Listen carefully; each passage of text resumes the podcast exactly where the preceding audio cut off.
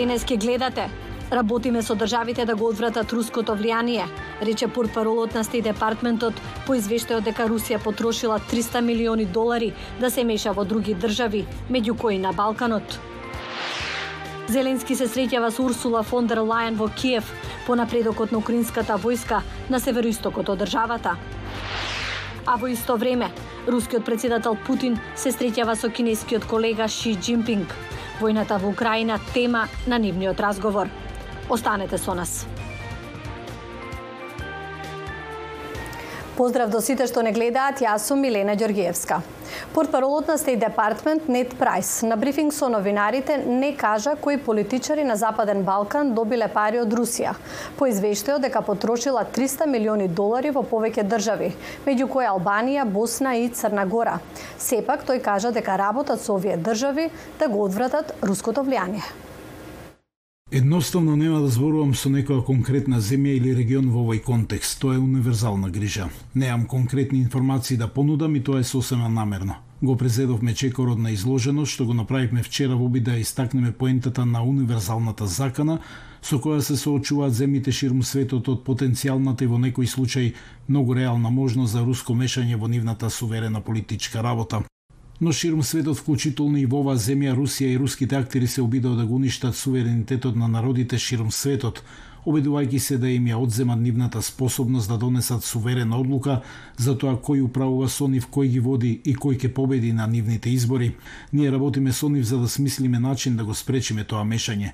Понекогаш тоа се чекори кои се јавни, без разлика дали станува збор за протерување, без разлика дали е тоа преку употреба на санкции или друго понекогаш тоа се случува на начин кој не е јавен. А украинскиот председател Зеленски денес во Киев ја пречека председателката на Европската комисија со цел зближување на економиите и луѓето, додека Украина прави напори за влез во Европската унија. Во меѓувреме пак украинската војска напредува во североистокот на државата. А како тоа се одразува врз моралот на руските војници? Во наредните неколку минути. Украина соопшти дека незините сили ги вратиле градовите и селата околу стратешкиот центар Изум како дел од големата контраофанзива против Русија на истокот на земјата. Експертите се осврнуваат на изненадувачките придобивки на Украина на теренот и брзото повлекување на Русија. Се чини дека е целосен неуспех на логистиката, стратегијата, тактиката на руската страна. Се се распаѓа, нивните линии на фронтовите се уриваат, војниците заминуваат, ја оставаат својата муниција, ги оставаат зад себе возилата, оружјето. Зачудувачки што има толку неорганизиран вид на повлекување. Изминатите неколку дена има пат на моравот меѓу руските војници, изјави за гласот на Америка пензионираниот бригаден генерал на американската армија Питер Цвак и поранешен одбрамен аташе во Русија.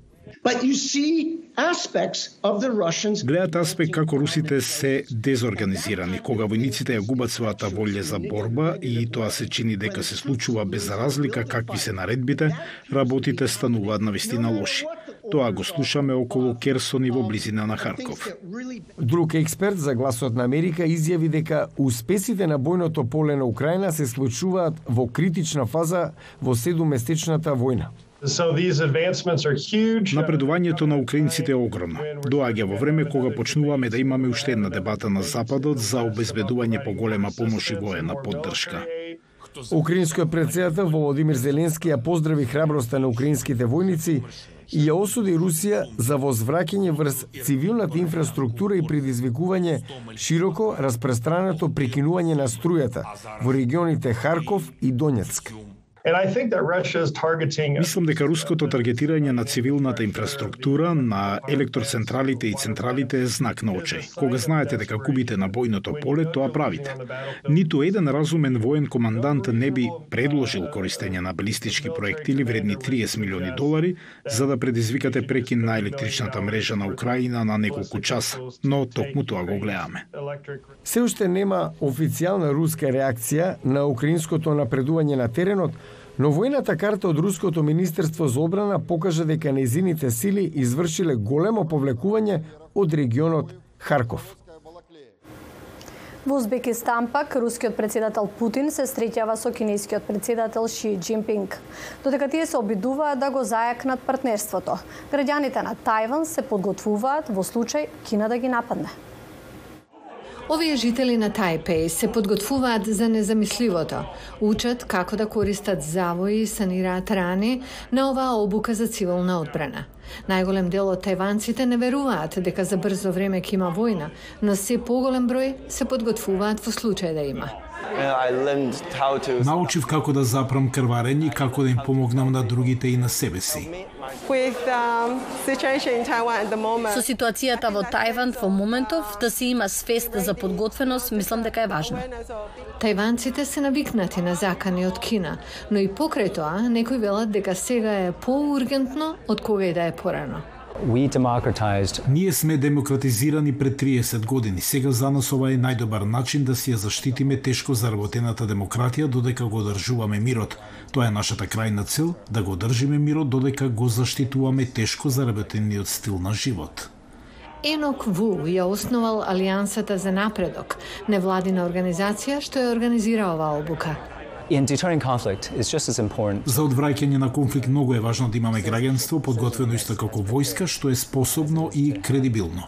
Овде се обидуваме да одговориме на прашањето што може секој од нас да направи за да ја помогне на заедницата и на државата. Други земаат повеќе армиски пристап. Овој курс во Тајпеј ги подготвува цивилите за урбана војна. Никој не сака војна, но ако дојде до војна, треба да сте подготвени да се борите за да ги заштитите оние што ги сакате или работите или вредностите кои ви се важни. Многу тајванци имаат некој армиско искуство, но не многу. Во моментов тајванските мажи имаат обврска од армиска обука што трае 4 месеци. Поголема обука е потребна за тајванската национална безбедност, вели поранешниот главен армиски офицер Ли Ши Мин. So many youngsters. Многу млади ја мразат Кина, сакаат да се заштитат себе си, но не сакаат да останат во армијата. Ли предлага доброволни армиски сили да ги обучуваат тајванците за одбрана на семејствата и домовите. Тоа може да успее. Се поголем број тајванци велат дека би се бореле за одбрана на нивната земја. Други едноставно сакаат да бидат подготвени да им помогнат на соседите во случај да има војна што тие не ја сакаат а 21 година по терористичките напади. Њујорк може да ја изгуби врската со преживеаните. Откако беше основан во 2006 музеот во спомен на жртвите од нападите на 11 септември 2001 им даде можност на илјадници преживеани да се поврзат со други и да ја надминат болката. Секој пат кога имам презентација или тура во музеот се враќам дома како излекуван. Се чувствувам подобро. Но економските последици од пандемијата на ковид беа преголеми, но 17 август музеот беше затворен. Нашите приходи доаѓаат од турите и продажбата во музеот. За жал, без посетители не можевме да ги покриеме трошоците за музеот. Коосновачката Дженифер Адамс Веб вели дека музеот имало околу 300.000 посетители годишно пред пандемијата. Вели дека во 2021 имало само 26.000 посетители. Во него беа изложени личните работи на жртвите, како ташни, кондури, документи за лична идентификација. Но она што го правеше музеот посебен беше шансата да се сретнат преживеаните во нападите на 11 септември кои исподелува личните искуства тој ден – Повеќето од изложените предмети биле префрлени во музеот на Њујорк во Олбани, се уште може да се видат онлайн.